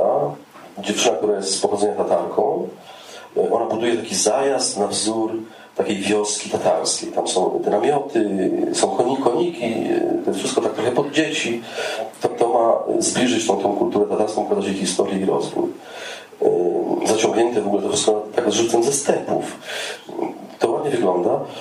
I nagle sobie e, zdajemy sprawę tam e, w jakimś kręgu, że to jest Janet z Podczankowa koło Poznania. I pytam, pytam tam jednego z nich, dlaczego dziewczyna z Podczankowa przyjeżdża i takie rzeczy robi? On tak dużo nam mówi, no nie wiem, nie nam się nie chciało. To też było dla mnie ciekawe, że bardzo wiele rzeczy tam jednak robią ludzie, którzy przyjeżdżają na Podlasie z jakąś energią. To była Kasia Sztokurtkowska, socjolożka, która przyjeżdża Pierwsze, co w ogóle dowiaduje się, że pojedzie do Białego Stoku, tam dostanie możliwość robienia doktoratu, to sprawdza, czy ma kożuch w szafie. Ja też to, na tym się przebrałem, czy ja mam zimową kurtkę, pamiętam. E, jak Monika zadzwoniła, pomyślałem sobie, no dobra, kończy się lato, ale tam przecież będę się całą zimę i czy ja mam zimową kurtkę w szafie. W ogóle nie miałem, ja chodzę zimą Poznaniu w jakiejś marynarce albo w jakiejś kurteczce cienkiej. I, i ten, ten, e, to, tak, to pierwsze skojarzenie, prawda? Zimno, chłód, mgła, tajemnica, tak mi się to kojarzy. Kojarzyło mi się też z takim komunikatorem, był taki IRC. Pan ktoś z pamięta IRC? I był taki hasz Bialystok. Najbardziej popularny e, komunikator, bo mieliśmy wrażenie, że tam jacyś zaburzeni ludzie to piszą. Bo wszyscy pisali zawsze, zasypało mnie, nie mogę wyjść z domu. I to było niezwykłe. To, to jakby ktoś pisał z bieguna, prawda? E, a co tam u was? Co tam w świecie na przykład? Ktoś pytał, bo mnie zasypało i siedzę. I ten Białystok tak strasznie, hasz Białystok, tak bardzo egzotycznie się kojarzył wtedy. I takie miałem skojarzenia z Białystokiem. Ciepła kurtka, zaraz ja do sklepu sobie kupię ciepłą kurtkę. I, i której nigdy zresztą tam chyba nie włożyłem w Białymstoku. Bo nie było zimy. Nie, ja śniegu nie widziałem w Białymstoku. Jak pisałem książkę. Jakie było Pani pytanie? Czego nie było tak Aha, no tak, to, to, tak, to, to będziemy. A jest Pani Aneta Prymaka na sali? Jest Pani. To ja wyciągam telefon. Ja coś Państwu przeczytam. Proszę jeszcze nie pytać.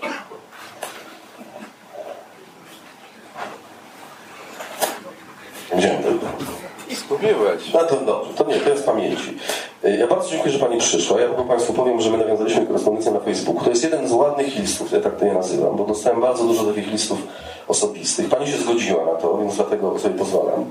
Pani napisała um, o tym, że książkę przeżyła, że, tak jak, jak, jak przedmówczyni, ale napisała Pani tam jedną ważną rzecz, która była pierwsza w zasadzie w liście, że Pani tam w pewnym momencie czyta o swoim dziadku, dobrze mówię? O swoim dziadku. I ja bym chciał, ja bym Panią prosił, czy Pani może to powiedzieć tutaj? Dlaczego to było ważne? Bo to było w ogóle fantastyczne, że Pani natyka się na prawdziwą swoją historię. Ha, znaczy to też jest chyba taka historia, jak Pan mówi, e, jak Pan mówi o swoim paliwie, tak? Taki, taka historia, która jest trochę magiczna. Znaczy, e, ja się teraz zajmuję bieżeństwem, e, prowadzę stronę internetową i pracuję nad książką o bieżeństwie i pamięci o nim. Bieżeństwo to jest takie wydarzenie z 15 roku, 1915, gdy e, przed frontem, niemieckim, przy, przy, pod naporem niemieckim Rosjanie się cofają, przyjmują taktykę spalonej ziemi i miliony ludzi, zwłaszcza chłopów, wyjeżdża niezupełnie dobrowolnie na wschód. Tak? Prości chłopi z takiej jeszcze bardzo tradycyjnej wioski jadą na drugi koniec świata. Wracają po siedmiu latach. E, ta historia, jakby ta pamięć też nie do końca istnieje w Białymstoku. Ja jakoś tak się tym teraz zajmuję i tym mocno żyję. E, no i co? I jakby, aha, bo ja też z kolei dygresję e, zrobiłam.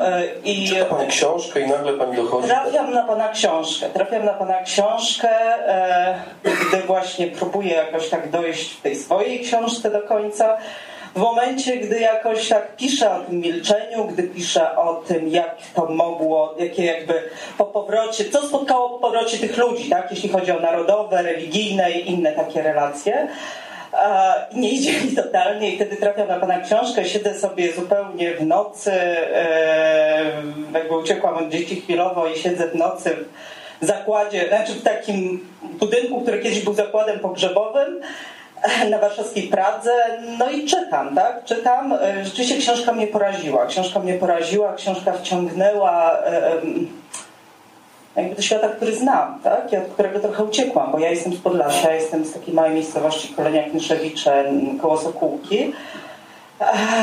I czuję, że już nie mam siły do tej książki i ją kartkuję. W pewnym momencie trafiam na e, słowo, tak przeglądając, tak, szybciutko łosośna wracam.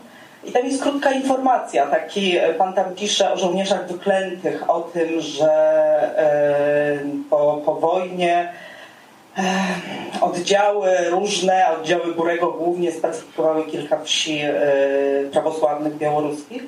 I pan przytacza tam historię, kilka historii z portalu facebookowego Bury nie mój bohater prowadzonego przez Tomka Sulimę i przypadkiem tam jest historia mojego dziadka, że e, w maju 1945 e, roku e, oddziały WIN w miejscowości Łosośna najpierw zamordowały tam Czeremchę, nie pamiętam imion, sąsiadów moich dziadków. Później ich syna po drodze 18-letniego, a w końcu doszli do Aleksandra Kuryły, mojego dziadka, no i go zabili. Zabili, a, a, babci kazali w ciągu tam trzech dni opuścić Polskę. Hmm. No i ja to przeczytałam. Ja tę historię znałam. To była pani pisze na końcu, przepraszam, że pani się cieszy, że to czyta w polskiej książce. I to było dla mnie bardziej zdumiewające. Dlaczego to było dla pani dziwne? E, bo o tym się nie mówi. To jest dziwne. To jest normalne. Bo o tym się nie mówi, bo o tym się nie mówi na Podlasiu, bo to jest właśnie, jak pan tu mówi o tej odwadze, to jest na Podlasiu odwaga o tym mówić. To jest też taka no, narracja, która nie istnieje. Tak? I to jest to jedno, a druga sprawa to jest coś takiego, że myśmy się wychowywali jak pan tam pisze też o dziewczynie, tak? Anna, która, której Anna w czarnej, czarnej soroczce, tak? Tę historię pan przytacza. Dziewczyny, która ona ma gorzej, bo ja znałam, tak? Ja wiedziałam od początku, dlaczego nie mam dziadka tylko jak teraz sobie zaczęłam myśleć tak, o tym po, po przeczytaniu, jakby to powiedzieć, no to jakby to było tak przekazywane nam, nam, dzieciom, że myśmy o tym nie, nie mogli mówić publicznie, tak? Jakby ten strach yy, został z jednej strony przekazany, więc my mamy problem z mówieniem o tym, z pisaniem, tak? Jakby gdzieś to jest... Pani nosi tą czarną soroczkę? Trochę noszę, tak? Chociaż mi się nie wydawało. Wydawało mi się, że, że, że mam z tym jakby zupełnie sprawę czystą, tak? Rozwiązaną. A druga strona jest taka, że w Białymstoku to e, e, się nie przebija, że tam się nie mówi o takich rzeczach, a w takiej skali ogólnopolskiej tym bardziej to jest jakaś marginalna sprawa, tak? Więc to jest coś, co, co po prostu się nie przebija. I czytanie o tym w polskiej e, książce jest rzeczywiście dla mnie to było wstrząsające. Sama byłam trochę zdziwiona, tak? Ale rzeczywiście jakby no, poczułam trochę, że ten dziadka... A jeszcze tylko ostatnie pytanie. Przepraszam Państwa, że zamiast wywiad. Y, ja wchodzę w rolę reportera. Ale Pani też napisała, że nie przerobiła tego też w swojej rodzinie. Co to znaczyło? Że ten temat też jest wyparty w rodzinie czy dobrze zrozumiałem? Wie co, to jest, ja, ja, ja na to wpadłam jakby po tym, gdy z pana książki spłynął na mnie taki ogrom bardzo trudnych emocji, tak? Jakby nie mogłam się długo pozbierać, przeczytawszy to. Ja znałam tą historię, ona była przekazywana, ale tak mam wrażenie, że w takim kokonie emocjonalnym, to znaczy... Mm, to było wyparte z emocji, tak? To, co mi mówi. Ja, ja nie czułam tego. Ja wiedziałam, co roku się w maju jeździło na cmentarz do Kuźnicy Białostockiej, spotykaliśmy się, ale ten temat nie istniał, tak? Jakby gdzieś babcia mi opowiadała, że ona, pamiętam takie sceny, e, znaczy takie rozmowy, że e, że e, kiedyś przyszedł do niej człowiek, bo ona wiedziała, kto zabił jej męża, ona nie wyjechała, ona została. E, wiedziała doskonale, bo ci ludzie nie, nie, nie chodzili w kominiarkach, to byli miejscowi. No i kiedyś, że przyszedł jeden z nich, siedział długo i zapytał Ola, czy wiesz, kto zabił twojego męża? No i ona powiedziała, tak, wiem, nieraz mu dałam wody i herbaty, tak? On wyszedł, nigdy więcej nie wrócił. Więc jakby gdzieś takie historie krążyły, a być może jakby e, my jako dzieci mieliśmy taką jakby to powiedzieć, no, no żyliśmy w takim kokonie, tak? Ja, ja się nie konfrontowałam nigdy z tymi emocjami. Te emocje rzeczywiście tarły do mnie dopiero e, z zewnątrz, od człowieka, który przyjechał z Poznania do Białego Stoku, przypadkowo trafił e, na historię, e, tak, i napisał. I teraz też mam wrażenie, że nie wiem, co miałam powiedzieć. Coś, coś genialnego ja, mi przyszło, ale uciekło. Ja bardzo Pani dziękuję, bo dziękuję. do mnie książka tak naprawdę przyszła emocjonalnie wraz z tym oddźwiękiem z ludźmi. Muszę Państwu przyznać, że ja się popłakałem, jak czytałem list Pani Alety, bo, bo właśnie wtedy do mnie doszły emocje. Gdybyś zapytał, czy ta książka jest dla mnie ważna, to ja z, w tym tyglu, w tej robocie, prawda, jak się jeździ, zbiera, jest ta surówka, ja wiem, że to brzmi banalnie jakiś egzaltowany sposób z tym płaczem, ale rzeczywiście mi zmokły oczy i pomyślałem, aha, to dlatego to jest ważne. Bo nagle ktoś pisze, że czyta w polskiej książce coś, co wydawało mu się nie, przed chwilą niewyobrażalne, mimo że minęło 20 lat na przykład od okupacji sowieckiej, od, od, od PRL-u. I, i, i, to było, i, dlatego poprosiłem Panią, yy, yy, mówiłem, że chcę Pani wspomnieć, bo to jest dla mnie bardzo ważne. Znaczy, to, to było dla mnie ważne, bo pokazało mi wartość książki. Znaczy w ogóle Facebook, prawda? Że autor współuczestniczy w przeżywaniu ze swoimi czytelnikami. To jest też dla mnie fajne. Oprócz tego, że tego samego dnia chyba, albo dzień wcześniej, dostałem informację od pierdol się od Burego, chwała i cześć bohaterom. Czyli takie dwa, dwa meserze, jeden od pani, a drugi od kogoś, kto ma zupełnie inny pogląd na świat żołnierzy wyklętych. E, no właśnie, ale to bardzo Wam dziękuję jeszcze raz. E, Cześć Marcinie, ja, e, mieliśmy okazję rozmawiać, tak? tak ja e, przypomnę... Kolega z Białego Stoku. Tak, też. W ogóle bardzo cieszę się, bo widzę paręnaście, kilkanaście w zasadzie osób z Białego Stoku. Tak, słoiki. Powiedziałeś, że ta książka jest ważna dla Ciebie. Ta książka jest też bardzo ważna dla mnie, dlatego że wymieniłeś e, kilka osób, z którymi współpracuję, współpracowałem, czyli Kasię Sztop, Rafała Gawła, e, Tomka Wiśniewskiego. E, mm, i ta książka napędza również mnie, tak? Dlatego, że mi też to daje siłę inne spojrzenie. Do tej pory faktycznie było tak, że w Białymstoku, pomimo tego, że sytuacja jest znana, o tym się nie mówiło. Yy. Mi trochę w książce zabrakowało, zabrakło w zasadzie może nie uhonorowania, ale podkreślenia pracy tych ludzi, którzy działają na rzecz zmiany. E, zabrakło również mi takich faktów, gdzie pokazujemy władzę Białegostoku jako, że nie wiem, mm, marsz, jakikolwiek marsz, tak? Pan wiceprezydent idzie w jednym szeregu z chłopcami z ONR-u, tak? Pod flagami ONR-u. Albo w procesji cudu chleba. Albo w procesji cudu, tak. Fascynujące tak, zjawisko społeczne. Ostatnio, ostatnio mieliśmy procesję właśnie spod e, Fares pod kościoła głównego, tak? Gdzie... I tu jest ważna ci wtrącę. Katarzyna Sztoprutkowska, miejscowa socjolożka, która jest uzależniona w jakiś sposób od dotacji miejskich, zdaje się na uwagę. nie, nie, nie bierzemy pieniędzy z dotacji miejskich. No tam było parę badań socjologicznych badań, zrobionych okej. yy, na koszty miasta albo Urzędu Marszałkowskiego. W każdym razie ona pisze list kilka dni temu, bo to ta książka się ciągle dopisuje, to jest dla mnie fascynujące. Tak jak radni PiSu mówiący, że książka szkoluje miasto, bo mówi, że jesteśmy antysemitami, to oni jedną ręką to, to mówią, a piszą, a drugą y, są za tym, żeby się wkopać y, y, w cmentarz żydowski z, y, z, halą garażową. Y, Nie widzą sprzeczności. To, to, to jest ciągle kolejny rozdział. Kasia Sztoprutkowska co robi? Bo mamy ten przemarsz y, mowy nienawiści, tego, tego hejtu pod adresem uchodźców i on się zaczyna ze schodów katedry. Czyli jest tą nienawiścią liturgiczną też znowu, prawda? I tam nikt w zasadzie o tym nie mówi. Kościół się w ogóle nie, nie zawiera żadnego stanowiska. I Kasia pisze list, otwarty, publiczny list, jako katoliczka. E, Wszyscy wtedy mi mówią, piszą, słuchaj, to jest w ogóle coś pierwszy raz, coś takiego się stało, że ktoś zadziera trochę z kurią. Ym, Ja nie wiem, jaki był odzew, bo już później nie śledziłem, ale przepraszam, że przerwałem. Ja po prostu chciałem dochodzić, że ta książka się ciągle pisze. Mogę, je- jeżeli chcesz, mogę Ci odpowiedzieć o, o tym, co się za- zadziało. W dwóch zdaniach. Było spotkanie, bo tak? Było spotkanie u biskupa, gdzie e, Kaśka wstała i mm, opowiedziała, w jaki sposób się to odbywało. Mało tego, e, cytowała. Ja, ja nie, nie będę w tym momencie cytował niecenzuralnych, tak?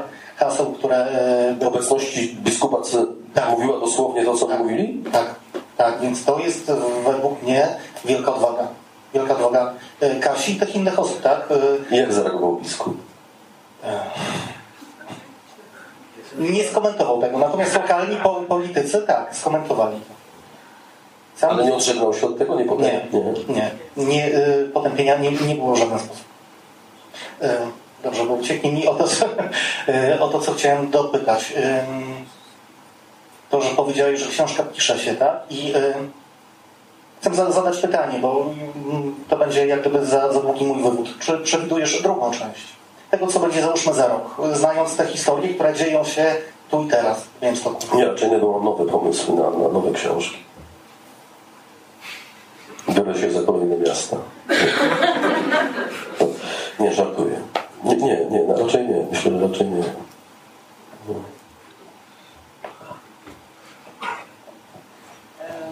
Ja bym chciała powiedzieć, że e, z jednej strony rzeczywiście można gratulować odwagi i dziękować za, za historię o żołnierzach wyklętych, ale został Pan wyprzedzony przez Panią Katarzynę Bondę, która nie pisze reportażu, ale, ale no swoją książkę poświęca hajnówce, hajnówce układom, układzikom e, i w dużej części żołnierzom wyklętym, co jest, wydaje mi się, że troszeczkę większym przejawem odwagi, bo sama jest z hajnówki. E, A, a pan jednak jest e, gościem, który przyjechał, zobaczył i tak naprawdę, jeżeli pan nie zechce, to nigdy pan nie wróci do Białego Stoku. Ale moje pytanie jest zupełnie inne. Chciałabym zapytać, skąd pomysł, że Pasowiszcza jest prawosławnym Jarocinem, a radioracja jest, a radioracja jest prowadzona przez prawosławnych hobbystów? Bo mi się wydaje, że... Już zostałem za to, już zostałem za to zrugany. Wiem, co. Przepraszam, przepraszam najmocniej, ale bardzo słusznie. E, Być może, e, tak. E, Spotkałem chłopaka z Radiaracja i go przeprosiłem za to, że nazwałem go amatorem w książce. No tak, tak, to takie, ma Pani rację. Tam pewnie znajdzie się więcej rzeczy takich, które jakoś niezręcznie wyszły. Na przykład, o, Magda Kicińska, e, nasza reporterka, e, e, która teraz panią Stefę wydała, niedawno mi zwróciła uwagę z pretensją, słusznie, mówi, słuchaj, no dobrze, zmagasz się z antysemityzmem i tak dalej, a dlaczego używasz dwa razy w książce słowa judzić? Ja i tak odpisuję, myśląc, jeszcze mając resztki nadziei, odpisuję, a to nie jest cytat? Nie, to jesteś ty. Yy, Ona wtedy uświadomiła, bardzo na to Magdzie dziękuję, ale zobaczcie, że tego nie wychwycił, tego nie wychwycił nawet redaktor Tomasz Zając, absolutny geniusz redakcyjny wydawnictwa Czarne, który mnie w wielu miejscach uchronił od większej, niech pani mi wierzy, kompromitacji niż to, co pani teraz mówi. Yy, Gdzie na przykład czasami jest tak, że reportera zjada rutyna i jesteśmy pewni pewnych rzeczy, więc już nie sprawdzamy, a, a zawsze warto. I co chciałem powiedzieć? Co chciałem powiedzieć? O jedzeniu, właśnie. I wtedy zdałem sobie sprawę, jak, yy, yy, że wszyscy my, że jeżeli ja się tym zajmuję, prawda, i piszę o tym antysemityzmie i nawet i używam jednak tej aparatury pojęciowej i łudzić, jak, jak szwabić, jak żydzić, jak cyganić, e, który niesie w sobie tą ukrytą, taką zakodowaną warstwę mowy nienawiści trochę i tej pogardy, że używamy tego, bo mamy wkodowane te fantazmaty. Mamy wkodowane to, o czym Andrzej Reder w tych rewolucjach pisał w, w nieco innym kontekście. Te fantazmaty, z którymi płyniemy przez życie, głosząc pewne idee, wychodząc pewnym słowem, ale w tym słowie i tak wywalamy te kody. I wtedy jesteśmy w tym niespójni w jakiś sposób? Nie chyba, ale po prostu te fantazmaty tak głęboko w nas tkwią. Ani ja tego nie wychwyciłem, ani redaktor. Wychwyciła to Magda, chwała jej, która była pewnie jeszcze ponad jakąś, na jakimś wyższym jest poziomie wrażliwości na, na, na, takie, na takie kody. To jest niezwykłe. I ja wtedy pamiętam, że przechodzę właśnie ten proces, nie wiem czy Państwo też, jak to u mnie w rodzinie wyglądało. I ja ciągle pamiętam, e, teraz jako świadomy dopiero człowiek, jak babcia mnie bierze na kolana, mam kilka lat i śpiewałem taką piosenkę Jedzie, jedzie pan, pan na koniku sam, sam, a za panem Żyd, Żyd. I tam są jakieś takie pod adresem Żydów, nie pamiętam dokładnie. I później jest klask w ręce, klask w kolanka i taki wielki uśmiech babci. E, I to, i słowo Żyd, zastanawiam się w ogóle na ile, gdyby w Polsce na Żydów mówiono Jew, tak melodyjnie miękko, jak e, w krajach brytyjskich, czy bardziej, czy byłby mniejszy antysemityzm? Bo słowo Żyd od czasu tej babci mi się kojarzy z takim zgrzytem, brzeszczotem, z grzechem, takim brzydkim słowem, prawda? Które niesie w sobie jakąś taką e, antropomorficzną istotę z blachy, która trzeszczy i porywa dzieci. E, zastanawiam się, na ile to słowo w ogóle, że z brzydkie ma wpływ na, ten, na tą konotację, że tak się źle kojarzą. I, i, i, I szukam sobie tych fantazmatów i widzę, jak są głęboko poukrywane. E, I zastanawiam się, co by było, gdybym nie wyjechał z Stargardu Szczecińskiego, nie poszedł na studia, nie, nie, nie trafił w jakieś środowisko kulturowe, nie przeczytał pewnych książek. Gdybym tam został pod tą klatką schodową, tak jak niektórzy moi koledzy, żłopał piwo e, i, i szukał Żyda, prawda? Może tak by było. I, może, i, i zastanawiam się, gdzie ja mam kamizelkę ratunkową, w którym momencie może ją dostałem bo nie pochodzę z rodziny inteligenckiej, bo są, są prostymi, fajnymi ludźmi, ale, ale mi tego nie przekazali. Ja to gdzieś zapałem później, prawda? Czyli coś mi tam gdzieś uratowało po drodze. Czy odpowiadam na Pani pytania? Nie, zupełnie nie. Jakby, mm, historia, y, która mówi o Basowiszczy jest w ogóle bardzo ładną historią, o tym jak człowiek sam siebie gdzieś tam szuka, szuka i w końcu odnajduje, tylko no, nie wiem, mnie jednak dosyć mocno uderzyło. Y, ja wie Pani w ogóle żałuję, że potem to jest festiwal w lipcu, prawda? Zapraszam 22-23 lipca 2016 roku w Grudku. Y, tu jest dużo rzeczy. Pani książkę, dobrze, że ktoś taki jak wydawca, kto raz na jakiś czas przyśle maila, hej, skończyłeś, prawda? Trochę popędza, trochę mówi, daj już spokój, bo yy, ja bym książkę, bym to pisał w nieskończoność pewnie, bo jeszcze miałem, miałem taki cały plan, żeby tam zjeździć i wypożyczałem ten samochód i jeździłem, i, ale musi gdzieś być ten koniec. Basowiszcza, Tatarzy. Z przyjemnością bym spędził na tym festiwalu, pewnie inaczej bym to opisał, ale no, trzeba gdzieś tą książkę skończyć, prawda? Trzeba już gdzieś odpuścić, a czasami jest tak, że chce się wspomnieć, no, że a, jeszcze wspomnę o tym. Czasami jakieś skróty się w to wkradają, tak czasami jest, tak. Znaczy ja absolutnie y, płaczę, że to jest y, nierozwinięty wątek. Wiadomo, że byłoby przyjemnie, ale, ale to nie jest jakaś tam wielka, wielki problem. Zastanawiam się po prostu, y, wydaje mi się, że to jest po prostu uproszczenie, które pan niestety zastosował, biorąc pod uwagę, że książka raczej ma... A to jest pewnie jakiś cytat z kogoś nie wiem, nie jest, nie jest podany jego cytat. Nie jest podany jego cytat, ale rzeczywiście... E, ja, bym na to, ja bym na to nie wpadł, ponieważ nie wiem, co to jest. No właśnie, ja, ja, właśnie doszłam do wniosku, że jest pan chyba jednak troszeczkę za inteligentną osobą, e, żeby utożsamiać prawosławie z Białorusi. Ktoś, ktoś pewnie mi coś takiego powiedział, mi się to spodobało. Może tak było. Ktoś tam pewnie powiedział prawosławny Jarocin. Pewnie mi się spodobało, ale też dawało obraz tym, którzy nie wiedzą, co jest basowiszcza, prawda? Reporterzy lubują się w porównaniach i metaforach żeby coś przybliżyć, to hej, bo to jest tak jak tam, prawda, żeby było łatwiej sobie to wyobrazić jakoś.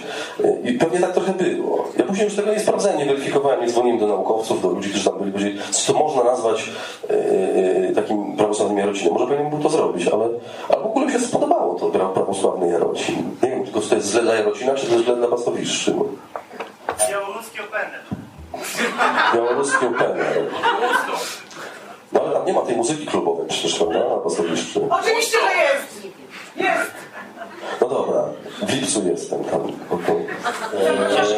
E, ostatni ostatnie pytanie. Przykro mi, bo jak Państwo rzucicie się, że Marcin Wam podpisywał książki, to nie wyjdziemy stąd do trzeciej nad ranem. Więc kto, kto pierwszy, ten lepszy do tego ostatniego pytania. Ja bym chciał zadać pytanie, bo część rzeczy, które tam Pan opisał, to przewijały się przez newsy w gazetach, nie w gazetach, a część dla mnie na przykład była kompletnym odkryciem, na przykład y, rodzinne, o towarzyskie powiązania, nie wiem, Pana Kuleszy, Państwa Kudryckich, y, Państwa Tuskolaskich i chciałem się dowiedzieć, jak się Pan do tego dokopał. To jest w ogóle niesamowite, dobrze Pan o to zapytał. Ja cały czas chodziłem po Białymstoku i wszyscy mówią, musisz napisać o szwagrze prezydenta Szwagier, czyli, bo mamy prezydenta Truskolaskiego, którego wszyscy mówią, szwagrem jest Cezary Kulesza, właściciel regionu Białystok. I tylko, że jak szukałem źródeł i sobie googlowałem albo szukałem w archiwach gazet, to nigdzie to nie było mowy. Nikt tego nie napisał. I pamiętam, że rozmawiałem chyba z Kubusiem Metkiem Gazety Wyborczej. Mówię, co, wy to napisaliście, czy nie? Gdzie, gdzie to znajdę? Czy oni są szwagrami? I teraz jakimi szwagrami? Po jakiej linii? Kto jest tam czyją siostrą, żoną i tak. A mówi, nie wiem, to już wiesz, tak dawno się o tym mówi, że chyba gdzieś tam, kiedy musieliśmy pisać. Ale chyba nie pisali. I pamiętam, że yy, przyjęto w ogóle jako oczywistość. I pamiętam, że siedzę naprzeciwko Cezarego Kuleszy i po prostu go spytałem. Pan jest szwagrem? Bo pan pyta, jak ja to wykopałem. Ja tego nie wykopałem, po prostu zapytałem go. Tak jak pytałem tych wszystkich innych. Pan jest szwagrem? On mówi, no, tam, nie, daj mi spokój. Ja mówię, nie, no niech pan powie, to jest fajne, szwagrem czy nie.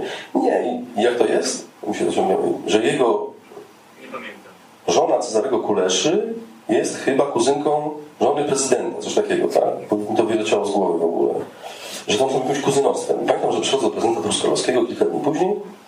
On tam podpisuje tam te dezyderaty i coś tam mówi, że słyszałem, że pan rozmawiał z Kuleszą. Tak, rozmawiałem. Co mówił o mnie? Jak to się. Pamiętam, że tak, to trwało godzinę właśnie w ten sposób. Miał taki stos cały tego, co mówił.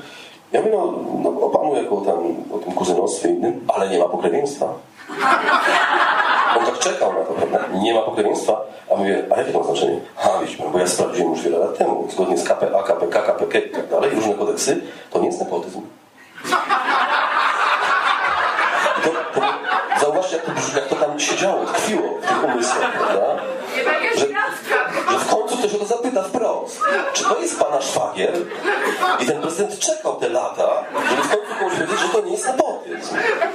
Ja widziałem to napięcie, prawda, że mu lżyło w ogóle. To nie jest nepotyzm. I, I to było ciekawe, bo to pokazywało ten taki walor y, nie tylko niedopowiedzeń w świecie medialnym, ale takiego, takiej trochę akceptacji. Takiej, że, że, że tak chyba musi być. Ale dla niego to nie jest wcale śmieszna sprawa, tak? Bo miasto Białystok sponsoruje również tu. No tak, bo to jest cały rozdział, jak pokazuje, prawda? Ta kasa się przelewa tam, y, tak jak y, do tych NGOS-ów, tych stowarzyszeń, albo do chłopaków, którzy robią zajęcia z tolerancji, już nie robią, bo mi odebrano pieniądze, bo stwierdzono, że jest gender. Uczyli dzieci, jak, jak po prostu sobie okazywać sympatię i stwierdzono, że to jest zagrożenie dla tożsamości miasta pewnie, to do nich tam kapało, takie kap, prawda? A tu się z wiadra leje ten stadion. Ten stadion jest takie wielkie wiadro i tam ta, ta, te, te, te pieniądze schodzą. To są miliony złotych, to jest niewyobrażalne w ogóle. Yy, No ale tak jest, to, jest, to jest trochę to alibi, prawda? O co powiedział prezydent tej rozmowie? On mówi, tożsamość miasta, a tożsamością miasta. Ja go zapytałem tam o tożsamość, kulturę. Największą marką jest Stadion Białystok i Jagiellonia Białystok. To jest największa marka. I, I w tym wszystkim było tak naprawdę zawarte to pytanie o prawdę o mieście. Nie wielokulturowość, nie tożsamość, nie Zamenhof, nie Żydzi, nie ta historia. Przecież, przecież jak sobie tam wyobraziłem, tyle projektów mi przyszło do głowy wizualnie, jak można tych Żydów pięknie pokazać, tą historię, prawda? Przyciągać ludzi w ogóle. Przecież Żydzi w okresie międzywojennym stworzyli całą kulturę, przemysł, handel, rzemiosło, byli średnią klasą i tą średnią klasę nam zabrano. Ale na takie pomysły upamiętnianie wizualnie to już niestety ludzie w Białymstoku padli tylko na przykład murale upamiętniające historię Zamenhofa po prostu są sukcesywnie zamalowywane. To nie jest tak, że tutaj akurat nikt... Tak, tak, ma pani rację. Ja pamiętam nawet jednego z urzędników mówi, a mural? A ta dziewczyna, co podnosi maskę, ta murzynka? O co panu chodzi? Ja mówię, ta, co obrzucono ją białą farbą na drugi dzień? A on mówi, a tam obrzucono, pan do wielkie słowa obrzucono, chrapnięto tam na ich Czyli ta, ta, to bagatelizowanie, bagatelizowanie tego, tego kontrataku, prawda, tego feedbacku, który się spotyka ka- każda akcja społeczna. I on tak właśnie był taki ochlapano trochę. Yy, yy, ochlapano, ale tam, tam był taki zjazd, BMK, łysi, czas, bra, farba, Nie, wszystko tam w kosmos i, i owacy. To miało swój taki anturaż w ogóle tego, tej, tej nienawiści. Ale trochę, trochę ochlapano. I, to, i to, to właśnie było, było dla mnie ujmujące, że nie mówmy.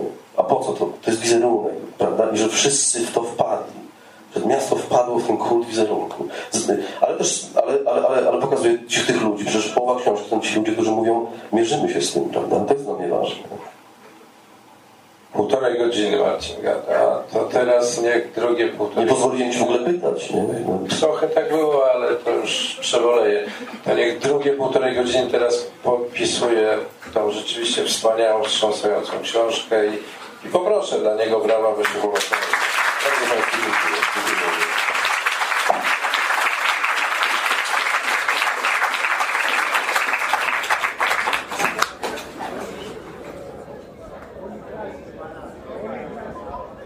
Fundacja Instytut Reportażu zaprasza do swojej księgarni z literaturą faktu i kawą Wrzenie Świata na ulicy Gałczyńskiego 7 w Warszawie. Wejście przez bramy Nowy Świat 48 i Nowy Świat 52.